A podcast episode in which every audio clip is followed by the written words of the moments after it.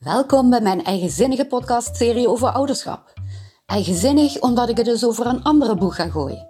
Er komt geen lijst met do's en don'ts. Er zijn gesprekken. Gesprekken met kinderen, ouders, professionals die met kinderen werken en ook zelf ouder zijn. En ze vertellen ons daarin over de zin van eigenheid, authenticiteit. Want daarmee kun je nog plezieriger ouder zijn en kind zijn. Bevestiging, herkenning, verveling, irritatie of inspiratie. Wat jij eruit haalt, laat je verrassen.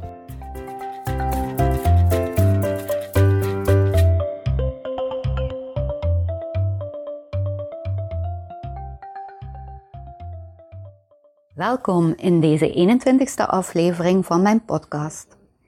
Deze aflevering zal er qua vorm iets anders uitzien dan je tot nu toe van mij gewend was. In de eerste aflevering heb ik uitgelegd waarom ik het zo fijn vind om deze podcastserie te kunnen maken. Ik was er namelijk zelf achter gekomen dat je behalve een veel gelukkiger mens ook een heel plezieriger ouder kan worden wanneer je je eigen ballast afwerpt, je rugzakje wat leger maakt en dat is voor iedereen anders natuurlijk.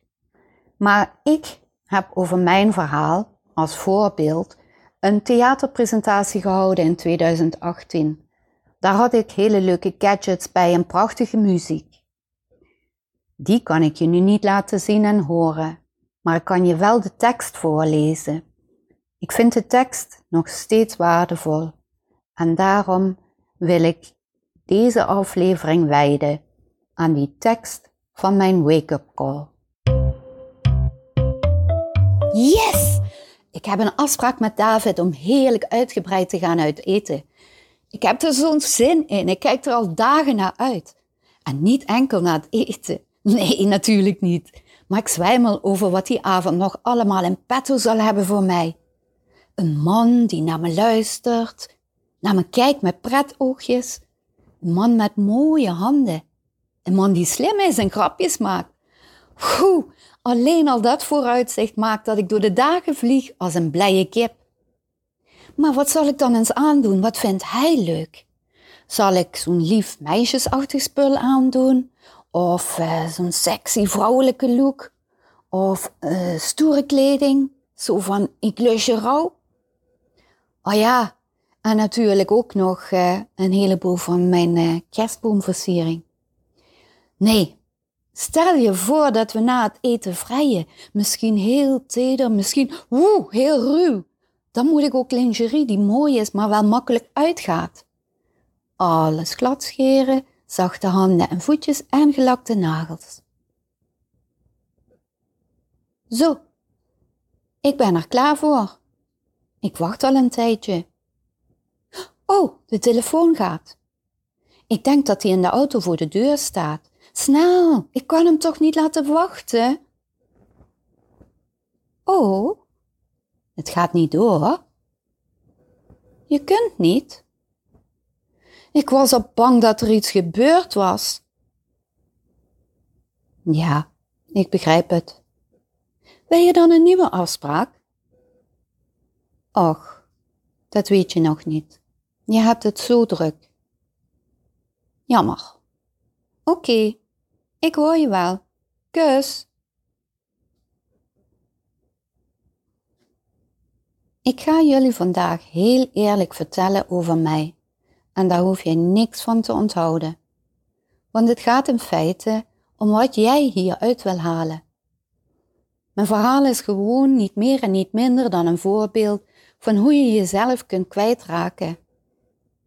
En dat er iets nodig is om je daarvan bewust te maken ergens in je leven opeens een wake-up call.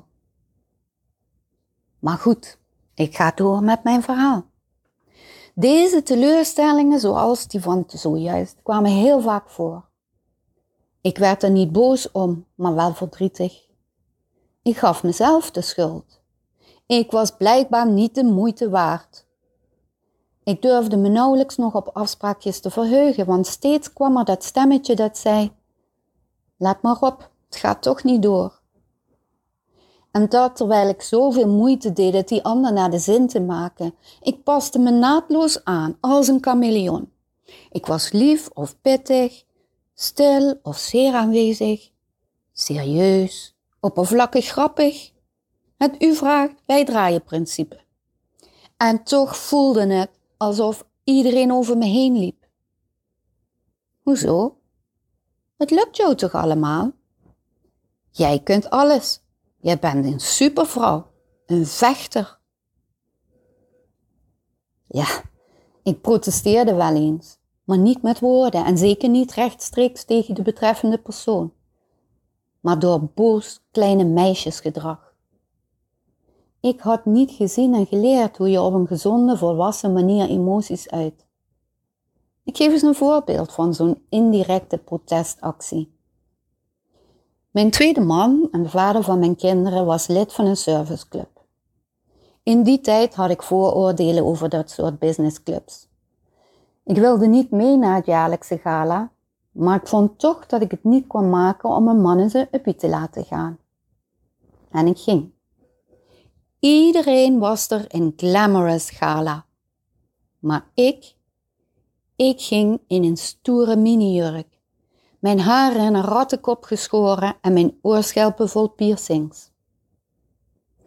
Tja, je kunt je waarschijnlijk wel voorstellen dat de afstand tussen de wereld en mij die avond niet kleiner werd. Ik snapte eigenlijk niet eens meer tegen wie of wat ik in protest kwam. Het voelde voor mij alsof men mij er niet bij liet horen. Ik voelde me buiten de groep staan. Mijn protestactie leverde niets op. Ik besloot maar terug te keren naar mijn minder storende, eeuwigdurende aanpassingsgedrag. En herkennen jullie dit ook? Zonder meer ja zeggen wanneer mensen je om hulp vragen? Ik deed dat. Ik had last van een soort reparatiereflex. Voor anderen dan wel te verstaan. Voor mijn cliënten, mijn collega's, mijn ouders, mijn kinderen, mijn vrienden. Ik koos niet voor niets een helpberoep. Ik wilde het iedereen zo graag naar de zin maken. Verplichtingen en werkafspraken stond ik toe op tijden die ik volgens mijn agenda al ergens anders had moeten zijn. Snel op weg van hier helpen naar helpen daar en intussen dacht ik, en ik dan? Mijn ouders wisten ook niet beter dan dat ze me bij nacht en ontij konden bellen. Mijn jongens, die hoefden vaak niks te vragen. Ik las ze bij van spreken hun wensen van de lippen af, want ik wilde zo graag dat ze mijn lieve moeder vonden. Steeds maar dat please gedrag, met alle consequenties van dien. En dat niet alleen. Perfectionisme ik voelde me schuldig ten opzichte van mijn kinderen omdat ik ging scheiden van hun vader en een luxe leventje. Ik wilde bewijzen dat ik het ouderschap in mijn eentje aankon. Veel te fanatiek probeerde ik alle pedagogische adviezen op te volgen. Met mijn kinderen naar zwemles, muziekles, voetbal, judo, samen spelletjes doen, samen de natuur in, samen huiswerk maken. Ik was streng en consequent in mijn eisen aan opruimen, netjes eten en gedrag. Ik had als puber al een eigen idee ontwikkeld over hoe ik later mijn kinderen zou laten opgroeien en dat zou dan heel anders zijn dan dat ik opgegroeid was. Ik mocht het niet verprutsen. Ik eiste van mezelf dat ik elke dag verse en gezonde maaltijden maakte. Maar omdat mijn kids in de vroege avond naar hun sportclubs moesten, stond ik te koken met de jas nog aan. Geen tijd om te plassen of zelf even af te schakelen. Mam, waar is? Mam, heb je? Mam, kun je? Ik stond s'nachts te strijken, omdat ik vond dat onze kleding er netjes uit moest zien. En tegelijkertijd boog ik me over een studieboek want ik wilde zoveel mogelijk leren en uitstekende werkprestaties leveren. En dat moeten presteren, dat kwam er als jong kind vanzelf in. Ik kwam thuis van school met een rapport vol negens en heel blij liet ik dat zien. Maar dan kreeg ik te horen, Waarom zijn het geen tienen? Je hebt niet genoeg je best gedaan. Het was goed bedoeld, maar voor mij een kweekbodem voor faalangst. Ik durfde voortaan niet meer piano te spelen voor publiek. Ik kreeg buikpijn voor examens. Ik vermeed competitie bij sport en spel. En in de loop van de tijd breidde zich die angst als een olievlek uit naar allerlei andere gebieden. Ik begrijp heel goed waar mensen onzeker door kunnen raken. En natuurlijk, niet alles lukte zo perfect als ik het wilde. Ik raakte snel geïrriteerd, overprikkeld, omdat iedereen bleef vragen, niet luisterde, onrustig en driftig was. Ik snapte pas vele jaren later dat ik dat zelf veroorzaakte. Zij spiegelde mijn gedrag. Want ik bleef vragen. Ik luisterde niet. En ik was onrustig en driftig. En soms was ik ook zo gewoon moe. Was ik het moe. Ik weet bijvoorbeeld dat ik op zondagmiddag, de enige vrije middag, het onderste uit mijn energievoorraad moest halen om er een leuke middag van te maken. Bij goed weer was dat niet zo heel moeilijk. Dan ging ik met mijn jongens naar een speeltuin of het bos.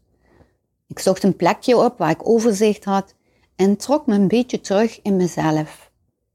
En met mijn ogen hield ik de wacht. Maar bij slecht weer kwam ik niet verder dan een eindje rijden in de auto. De jongens achter op de achterbank in hun zitjes vielen onmiddellijk in slaap. En zo had ik even rust. Bij het zien van alle jonge vrouwen die de ballen in de lucht proberen te houden, vrouw zijn, moeder zijn, dochter zijn, werkgever, werknemer zijn, vriendin zijn, denk ik terug aan deze tijd. En ik begrijp heel goed waarom ze overstuur zijn wanneer er één balletje valt. Ik kreeg al die jaren best veel voor mekaar. Maar dat kwam door een super strakke structuur. Plannen, plannen, plannen. En in mijn hoofd altijd al bij de volgende stap in het schema. En tegelijkertijd controle houden. Want controle en perfectionisme, daarmee voelde ik me veilig. En controle en perfectionisme zijn compensatiemechanismes, maar dat leerde ik pas later. Compensatiemechanismes om oude behoeftes zoals aandacht en veiligheid alsnog, maar meestal te vergeefs, te vervullen. En compenseren, ja, dat deed ik, overmatig in mijn spaarzame vrije tijd vooral in mijn omgang met mannen. Ik had niet door dat mijn onvervulde kinderlijke behoeften ertoe leidden dat ik verlatings- en bindingsangst had ontwikkeld. En dat kan tot gevolg hebben dat de basis waarop je een relatie begint geen goed fundament heeft. Ik begreep niet waarom ik me na die eerste periode van verliefdheid of na die eerste zeven jaar van relatie niet meer gelukkig voelde. En ik viel ook nogal eens voor zogenaamde foute mannen. Die zijn natuurlijk niet slecht van karakter, maar ze zijn emotioneel niet beschikbaar. Zoals ik zelf in feite een vrouwelijke versie was. De relatie wordt daarin zeer complex. Er zijn hoge toppen, maar vaak ook hele diepe dalen in zo'n verbintenis. En zulk soort dysfunctionele relaties zijn jammer genoeg heel verslavend. Ze brengen een bepaalde reactie in je hersenen teweeg, die je maar met heel, maar dan ook heel veel moeite kunt laten verdwijnen. En voor die tijd is je eigenwaarde naar een dieptepunt gezakt. Ik begrijp vrouwen en mannen die op deze manier vastzitten in een relatie. ik begrijp ook waarom het verbreken daarvan zo moeilijk is. Ik begrijp hoe geweld binnen zo'n relaties tot stand kan komen. En waarom mensen daarna toch weer terugkeren bij die partner. Pas heel veel later leerde ik de term voor mijn gedrag kennen. Ik was codependent. Het leek allemaal zo ruig en dynamisch, mijn alleenstaande moederleventje. En zo deed ik het ook graag voorkomen. Maar hoe anders was de waarheid. Van binnen zat ik helemaal klem. Ik zat vast. Al jarenlang. Ik werd geboren en groeide op in een kroeg. In de babytijd in een box in een donker hoekje naast de bar. Ik keek met grote ogen door de spijlen en een dichte mist van sigarettenrook naar iets waarvan ik niets begreep. Later, toen ik kon lopen, zat ik vast met een tuigje met anderhalve meter speelruimte, zodat ik niet weg kon lopen de drukke straat op. Mijn ouders hadden zodoende hun handen vrij. Ze hadden zoiets van, we zijn er toch altijd, maar ze komt niks tekort. Ik mocht niet praten. En als ik me een enkele keer vergiste, werd ik op het beeldje van de drie aapjes gewezen. Horen, zien, zwijgen.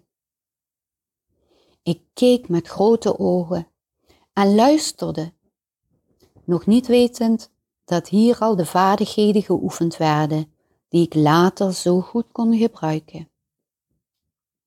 Wat ik toen wel al snel in de gaten had, was dat wanneer ik lief lachte, ik altijd iets kreeg.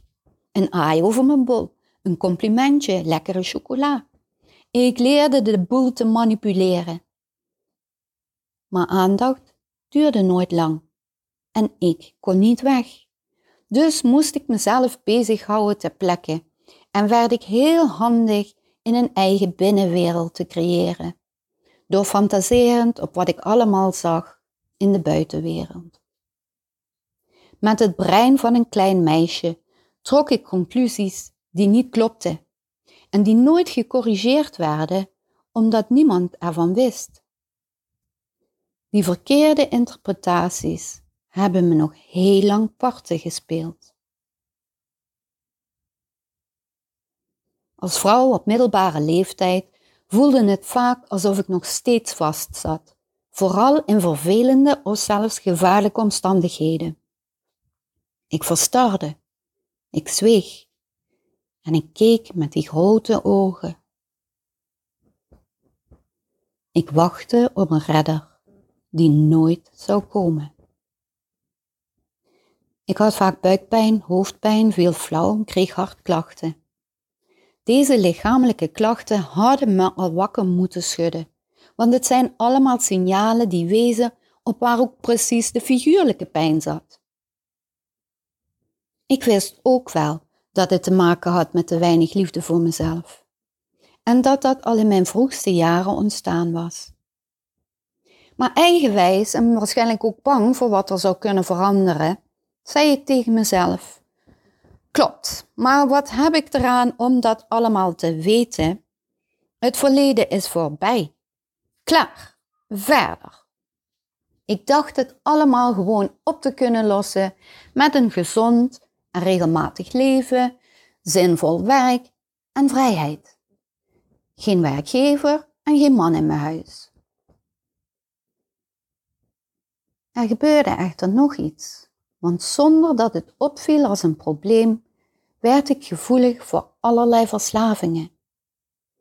Drop, s'avonds na het eten totdat ik misselijk werd. Zoetigheid, na het werk naar de bakker en drie bakjes al in de auto in mijn mond proppend. Overeten, nauwelijks eten. Koffie, drank, roken. Verslaafd aan extreme spannende avonturen. En ja, ook aan seks. Overduidelijke pogingen om een ander tekort aan te vullen. Ik werd boos op mezelf dat ik niet in staat was dit te voorkomen, terwijl ik in theorie heel goed wist hoe je in zo'n negatieve visieuze cirkel terechtkomt. Ik zou met dezelfde energie die me hierin gebracht had, mezelf er ook weer uitdraaien. Want ik was toch die supervrouw Ik was toch die vechter? 28 november 2014, vrijdagavond 9 uur. Ik lig in mijn badjas op de bank voor de tv. Fris gebadderd, lekker gegeten en nabuikend naar de voice kijken. Heerlijk, het is weekend. Voor zondag staan er al een paar mooie uurtjes met mijn lief gepland. Dat vooruitzicht maakt mijn hele weekend al goed. Maar op zaterdag zal ik ook nog wel vast iets leuks vinden. Ik kijk op mijn telefoon of er concerten, exposities of voorstellingen zijn. Pling! Een berichtje via Facebook Messenger van mijn broer. Ha zus, ik moet je dringend iets vragen. Ik zit in de trein en ben ook online.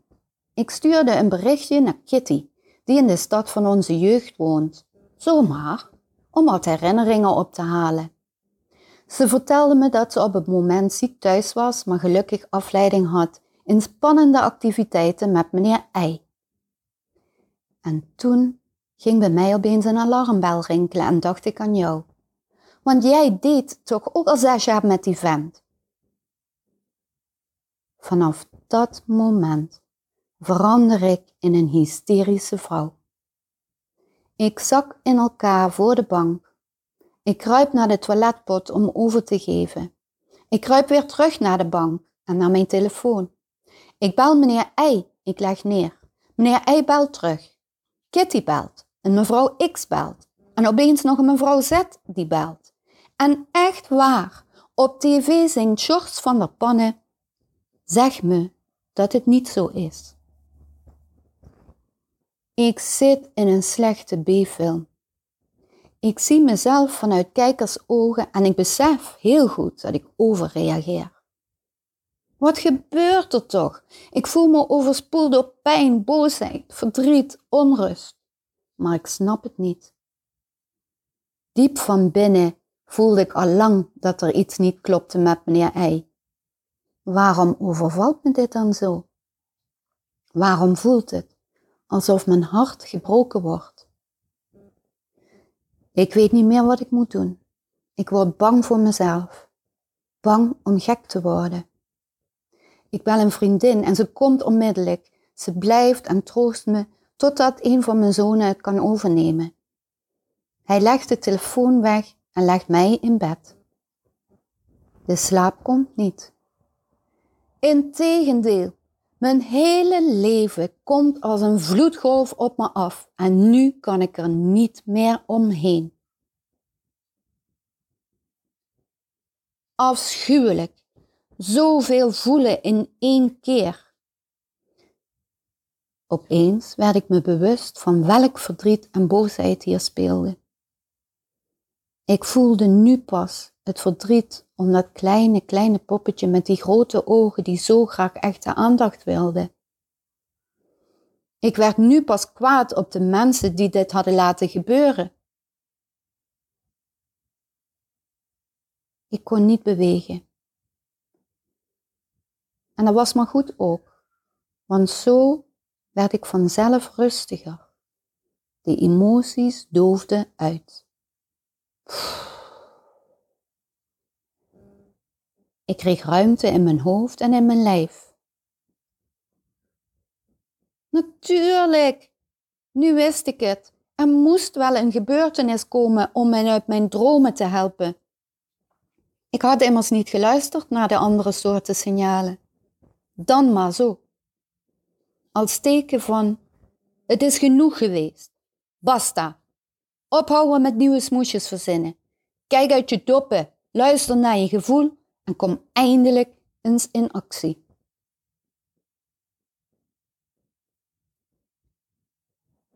Er is een heel mooi Tibetaans gedicht uit het boek van Leven en Sterven dat past bij deze valkuil waar je uit kunt raken.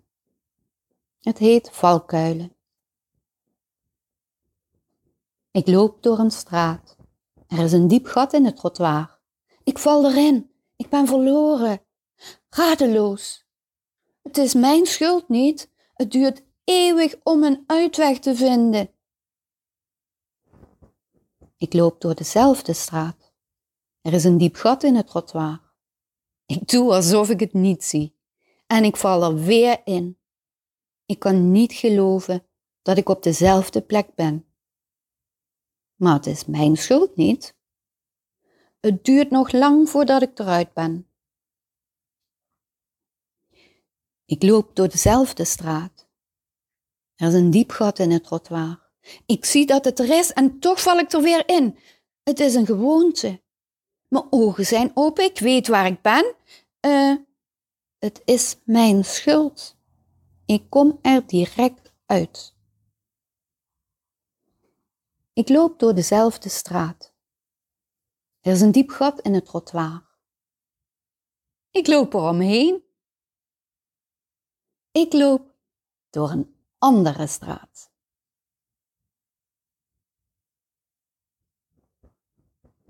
De wekker gaat heel hard. Nu ben ik wakker. Jij ook? De volgende dag weet ik wat ik ga doen. Ik wil inzicht in de rode draad van mijn leven. Ik schrijf alles in een boek en ik geef het een plek in mijn huis. Nu ga ik werken aan wat ik wel wil. Maar dan moet ik wel weten hoe. Ik lees boeken, ik google, ik volg webinars, workshops. Ik sta ervan te kijken wat er allemaal aangeboden wordt in deze zelfhulpbranche. Poeh, kan niet kiezen. Ik doe het gewoon allemaal. Voeding aanpassen, regelmatig lichaamsbeweging, liefst in de buitenlucht. Opheffen van energetische blokkades door spiritueel werk. Ademtherapie, meditatie, NLP, mindfulness, hypnose, systeemopstellingen, regressie, gedachtentraining, tantra, ayurvedische massages, acupunctuur, klankschalen, cursus, hechtingstijlen, liefdevolle relaties. Doodmoe val ik op de bank en ga Netflixen. Maar ja, ik heb heel veel geleerd. Ik leerde vooral ook dat je niet door kennis verandert, maar dat je wat moet gaan doen. En vanuit dit alles heb ik drie actiepunten gemaakt die mijn leven zo hebben veranderd dat ik er nog elke dag blij mee ben. Ik heb er zelfs een methode van gemaakt, mijn MMM-methode die ik gebruik om mensen die mijn hulp vragen deelgenoot te maken van wat zij zelf kunnen doen.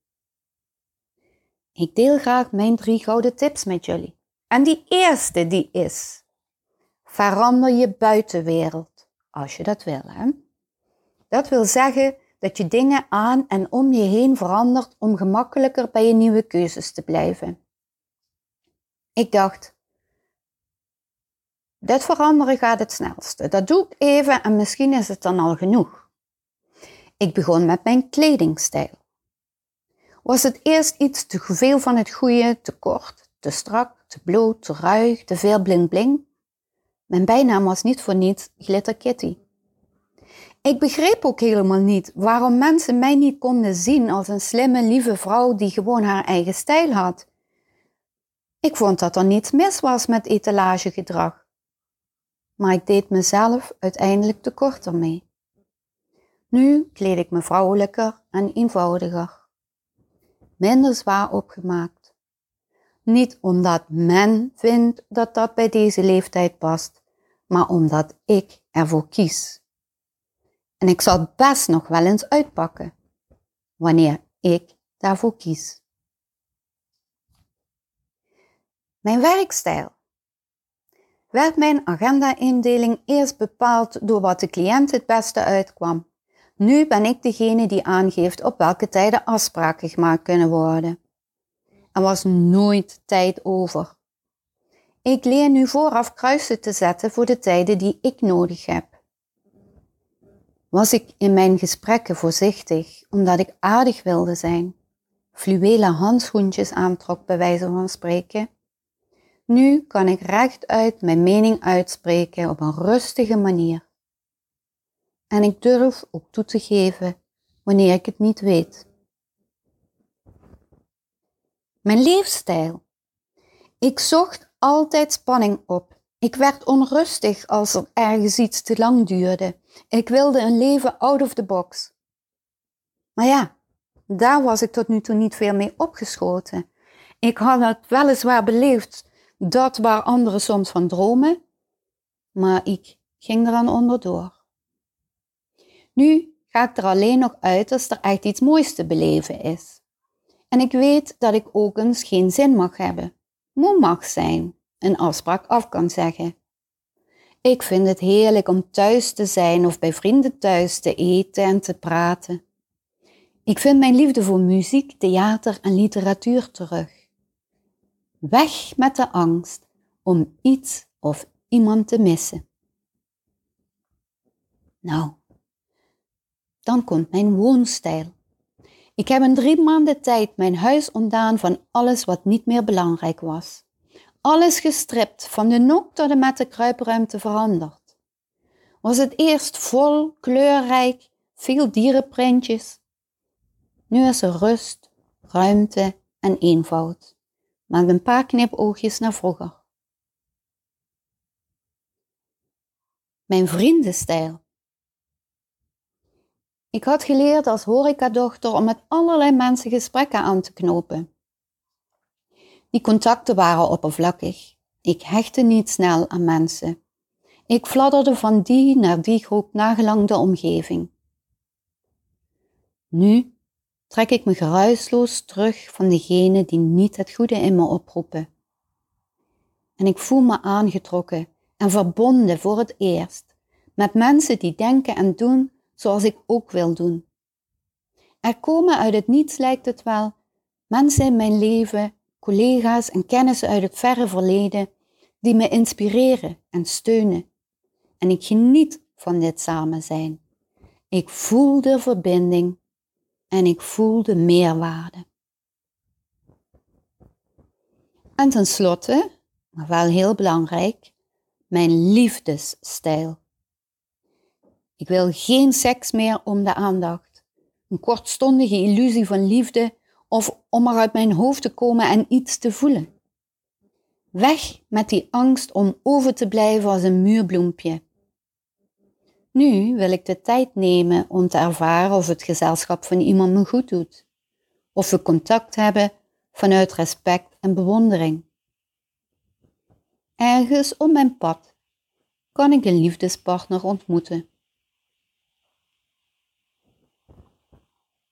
Ja, het is waar. Alles werd niet een beetje, maar heel grondig veranderd. Dat is de Mayala manier. Natuurlijk hoeft dat niet zo extreems. Het kan ook met iets simpels beginnen, bijvoorbeeld door op te ruimen in je huis, in je vriendenkring, je agenda, je dagindeling. Wat zou dat voor jou kunnen zijn? Zou jij iets willen veranderen in jouw buitenwereld? Ik overrompel je misschien met zo'n vraag, maar het zaadje is geplant en zal wortel schieten. En een deze dagen heb jij jouw antwoord.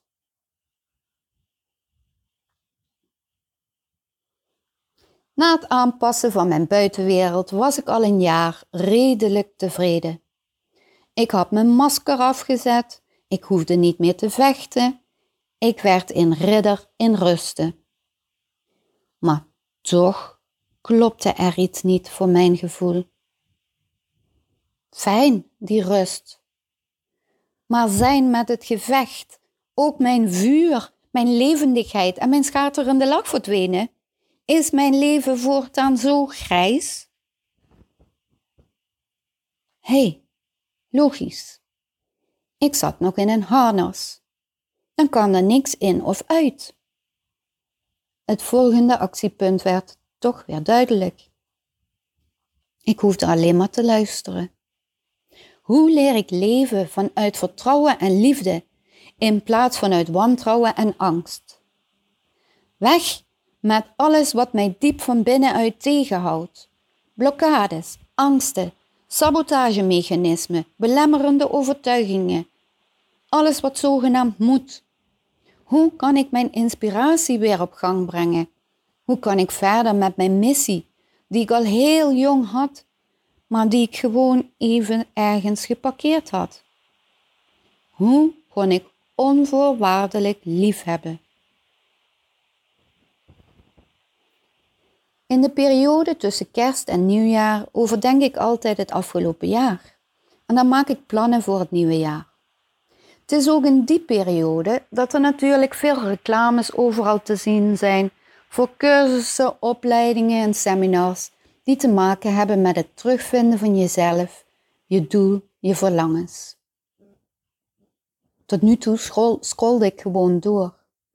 Maar deze keer schreef ik me in voor een seminar. Ik ging er naartoe. Aanvankelijk voelde ik weerstand. Zo'n grote groep mensen met al hun energieën, zoveel prikkels en een hoog gehalte.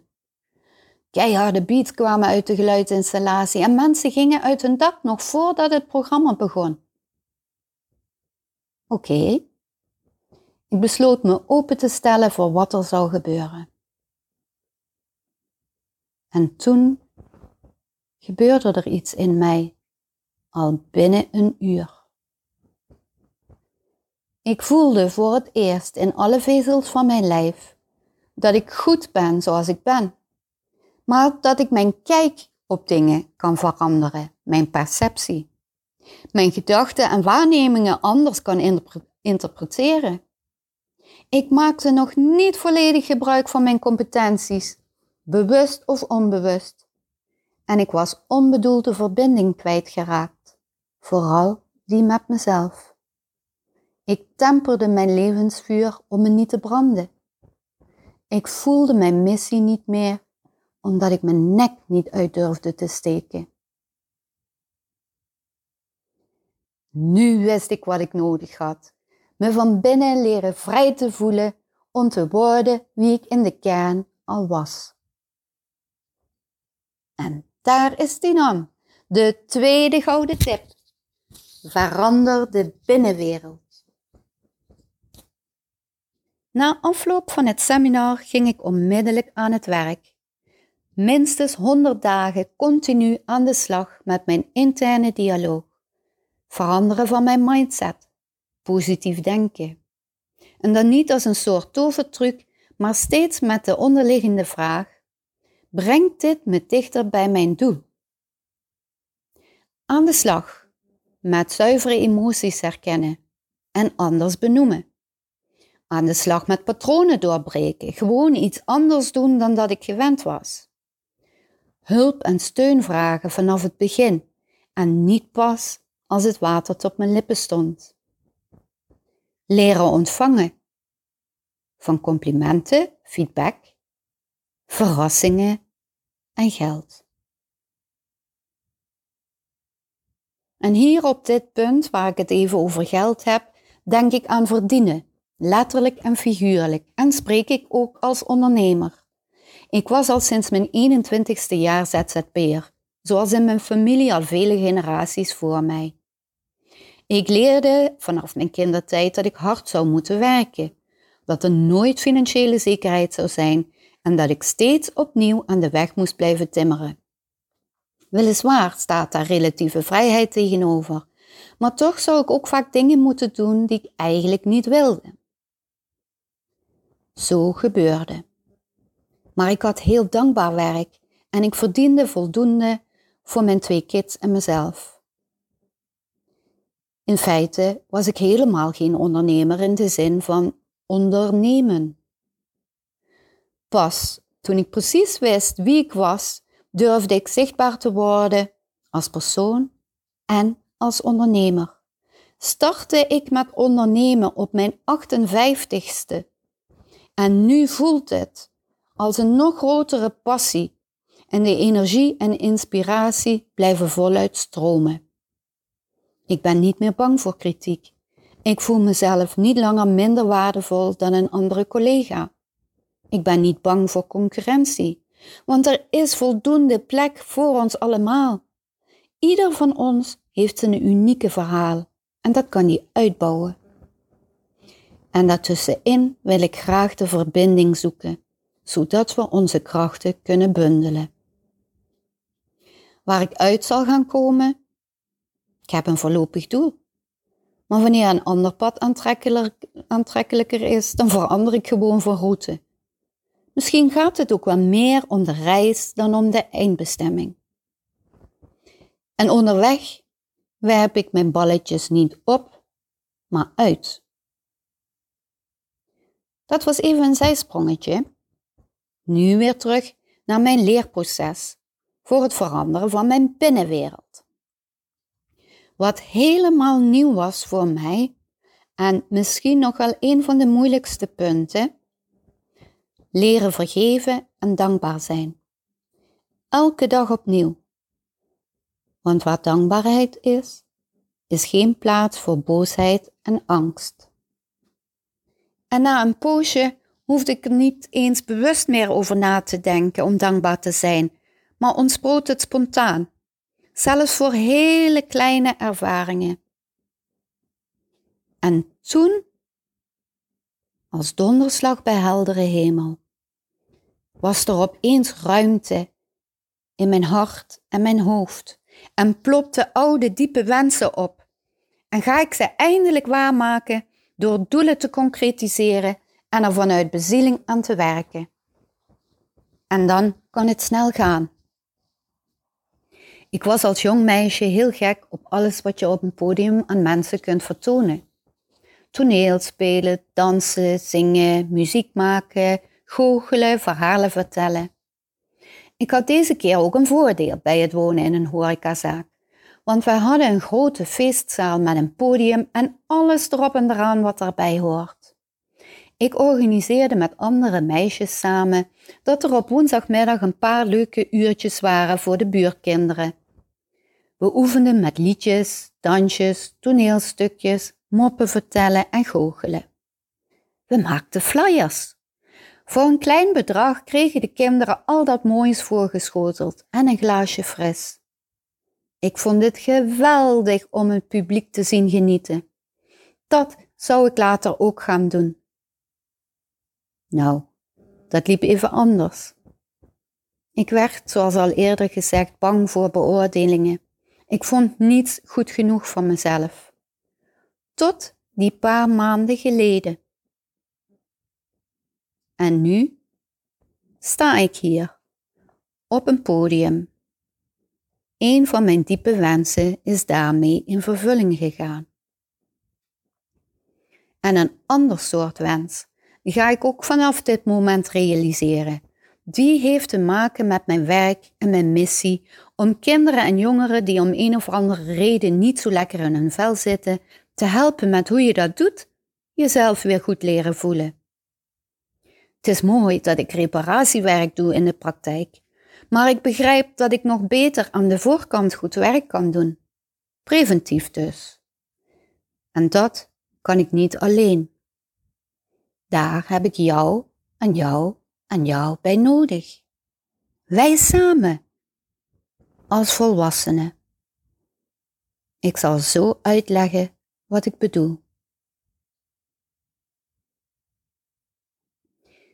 In dit verhaal van mij hoor je wat je als kind meekrijgt, je misschien al generaties lang hebt meegekregen, gevolgen heeft voor de rest van je leven. Je neemt goede dingen mee maar ook de belemmeringen om jezelf te worden. Op bepaalde momenten realiseer je dat, misschien voor een momentje, maar wanneer die voorbij zijn, dan doe je er verder weinig mee. En dat is jammer, want het kan heel anders. Ik werd op dit gebied pas echt wakker op die 28 november 2014, in mijn 55ste levensjaar. Het kan op elk moment in het leven. Of het nou vroeger is of later, het zal altijd de moeite meer dan waard zijn. En waarom?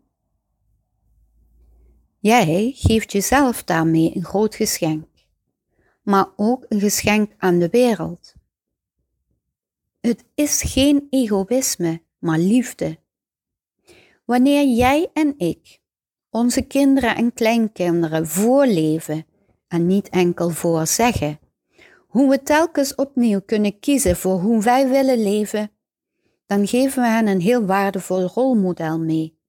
Ze leren zo van begin af aan dat ze zelf de regie van hun leven in handen hebben en dat ze, wanneer ze door een of andere omstandigheid uit balans gebracht worden, opnieuw kunnen afstemmen op zichzelf.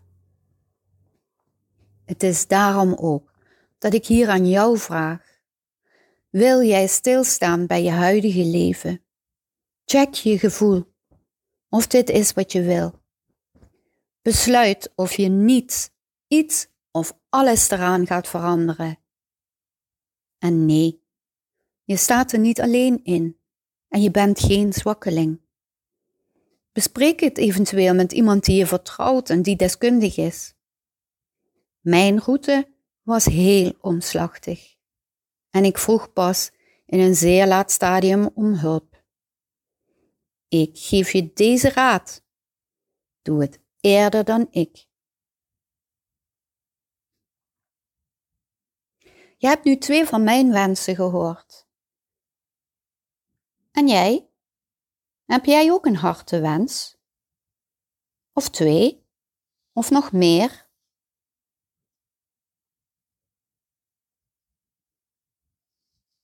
Ik had de buitenwereld veranderd en de binnenwereld.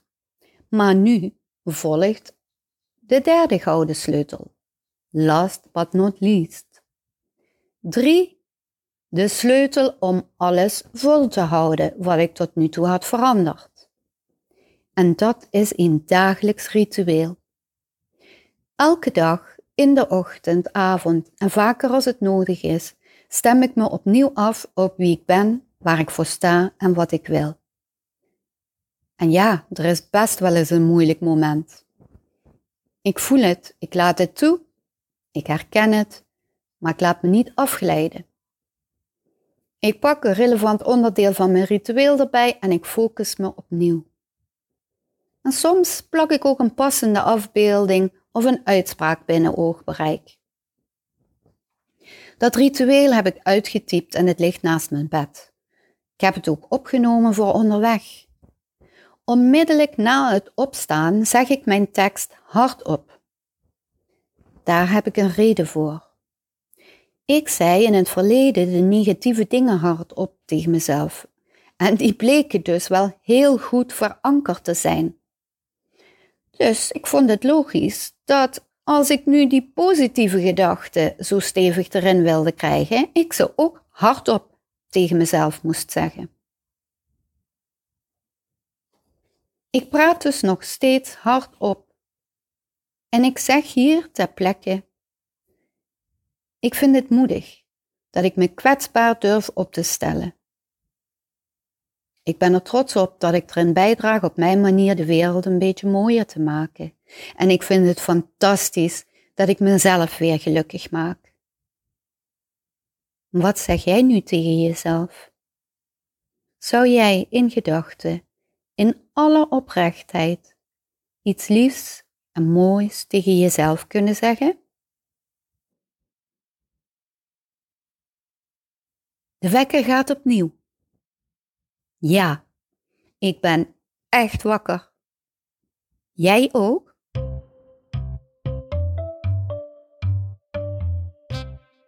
Superleuk en dank je wel dat je luisterde naar deze aflevering.